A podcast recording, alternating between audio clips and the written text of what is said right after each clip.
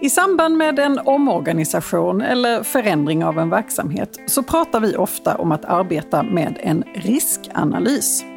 Men vad är det och när ska den göras? Det ska vi prata om idag i höstens första avsnitt av Arbetsrättspodden.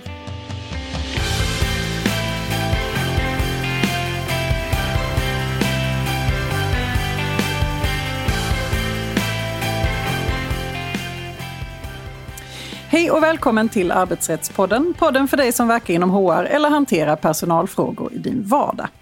Jag heter Emelie Svensäter Jerntorp och arbetar som advokat inom arbetsrätt här på Vinge. Och med mig idag denna soliga förmiddag har jag min kollega Daniel Melander Björner som också arbetar med arbetsrätt på vårt Malmökontor.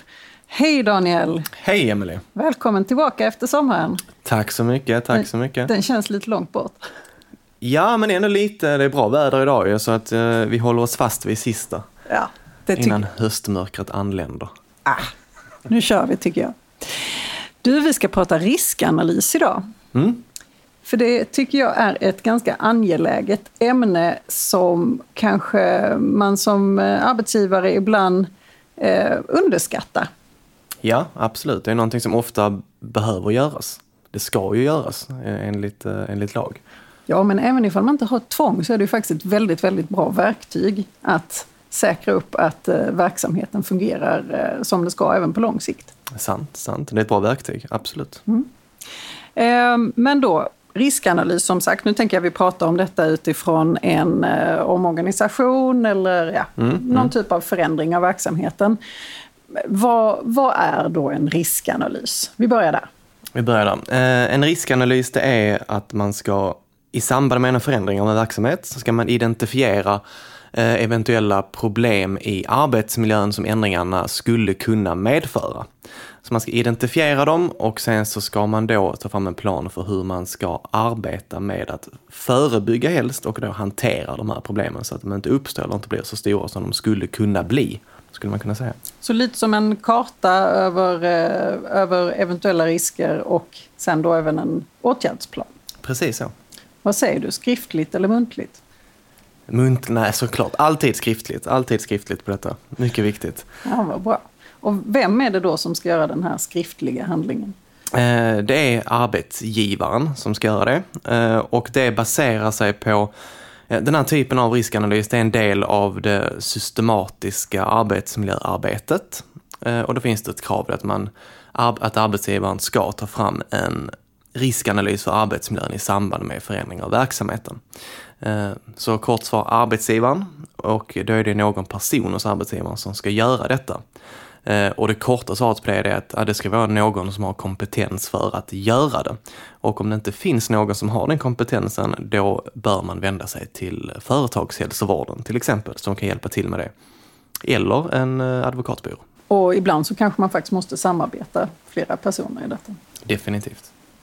Okej, okay, så eh, vem beror lite på? Mycket populärt svar som vanligt. Mm -hmm. eh, och syftet med det har vi ju lite varit inne på. Ja, att identifiera vilka problem som kan uppstå. Om vi tar till exempel en omorganisation där man ser upp ett antal eh, anställda. Eh, då skulle ett exempel på ett problem som kan uppstå det är eh, ökad stress för anställda. Såväl de som eh, riskerar att bli uppsagda men också de som finns kvar. Eh, efter att uppsägningarna har verkställts eh, så är då frågan hur det påverkar arbetsmiljön för de som är kvar. Till exempel blir det en ökad arbetsbelastning. Hur fördelar vi arbetsuppgifterna eh, så att vi har en hållbar arbetsmiljö? Så syftet är egentligen att komma till rätta med eventuella problem? Ja, exakt. När ska man då göra det här? I så god tid som möjligt skulle jag säga. Eh, när man börjar se, se, ett behov av en förändring inom verksamheten Eh, så ska man simultant då också titta på okay, hur man ska arbeta med det löpande som en del i processen. Hur påverkas arbetsmiljön av detta? Och eh, när man eh, i vissa fall, ganska många fall, så har man ju en skyldighet att förhandla med facket här. Ja. Eh, är detta någonting man diskuterar under de förhandlingarna? Skulle säga att det är mer regel än undantag att eh, den frågan dyker upp. Om man inte har gjort en riskanalys så kommer facket att begära att man gör det. Och då bör man också ta fram en riskanalys. Ja. Helt enkelt. En skriftlig sådan. Ja, men det bästa är såklart om man i samband med, samband med att man påkallar förhandling, att man redan då skickar med en riskanalys av arbetsmiljön så att man visar att man har gjort det arbetet och den analysen. Det låter mycket bra. Um, är det någon som måste vara med? Hur är det med skyddsombud? Skyddsombud bör vara med. Eh, anställda och skyddsombud bör vara med när man arbetar med riskanalysen. Mm. Men det är inte ett krav då? Inte ett absolut krav utan det förutsätter att det ska... Eh, att det behövs? Ja, att det finns på arbetsplatsen. Eh, men låt oss då eh, ta oss vidare och prata lite om hur och kanske vi kan väl, vi kan väl titta på just situationen om vi gör en omorganisation. Låt mm. säga att vi ska, vi ska säga upp, vi ska reducera eh, arbetsstyrkan, mm. eh, tråkigt nog. Eh, vad, när man då genomför den här eh, riskanalysen då, mm. som vi gör på ett väldigt tidigt stadium givetvis nu. Mm, mm. Ehm, vad skulle du säga är typiska punkter som bör finnas med i en sån riskanalys? Uh, en typisk punkt som då ofta består av flera punkter det är okay, vilka är riskerna här? Så radar man upp dem mm. i, ett, uh, i ett dokument. Då till exempel hur påverkas uh, belastningen av arbetsuppgifter?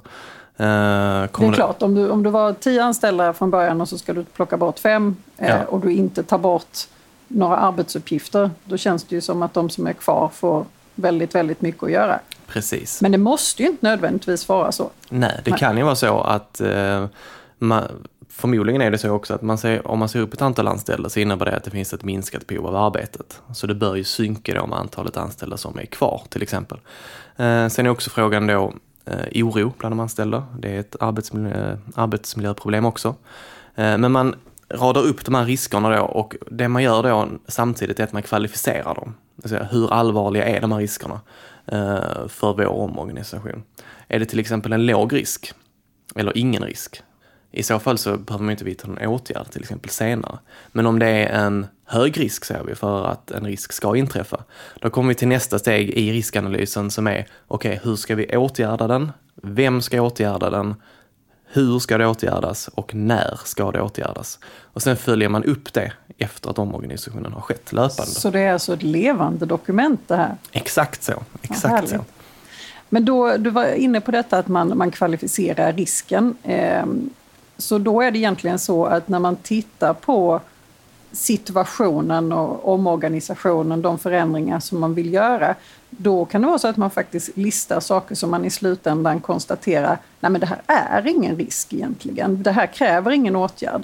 Låt säga att vi tar ditt exempel här att eh, vi, vi reducerar arbetsstyrkan och anledningen till detta är för att vi har eh, färre arbetsuppgifter att utföra. Mm. Då skulle man kunna säga att rent, rent faktiskt så det är klart att vi har färre personer att utföra arbetet men vi har inte så mycket arbete så det täcker alla de uh, ursprungliga arbetstagarna ändå. Mm. Därmed så är det en låg, låg risk och kräver egentligen ingen åtgärd i slutändan. Ja, precis så blir det. Och det kan vara att till exempel ett skyddsombud tar upp en risk eller säga en potentiell risk eh, som då kanske inte har full insyn i hela omorganisationen. Och då kan man ju i dialog då komma fram tillsammans till att men detta är ju ingen risk för oss nu. Men då har man i alla fall identifierat en potentiell risk och sen eh, konstaterat att okej, okay, det är inget problem vi behöver hantera, men finns det någonting annat? Så det betyder att den här eh, kan bli ganska lång, den här listan egentligen? Absolut, det beror helt och hållet på, helt och hållet på omständigheterna. Mm. Och sen kan man ju säga att det är jätteviktigt att man förankrar den här riskanalysen också så att eh, när man har gjort den här åtgärdsplanen som du pratar om och man har allokerat de olika arbetsuppgifterna till olika personer mm. så måste ju de veta om det såklart också och se till att implementera det. Självklart, annars så blir det inte ett eh, levande dokument. Nej, det är sant. Eh, avslutningsvis, vad tycker du är det viktigaste att skicka med när det gäller eh, riskanalysarbetet? Att man ska sätta igång så tidigt som möjligt och ha med det i, eh, genom hela processen. Tusen tack Daniel. Tack så mycket. Dagens gädda. Använd riskanalysen som det verktyg den faktiskt är. Den kan vara väldigt värdefull för den fortsatta verksamheten.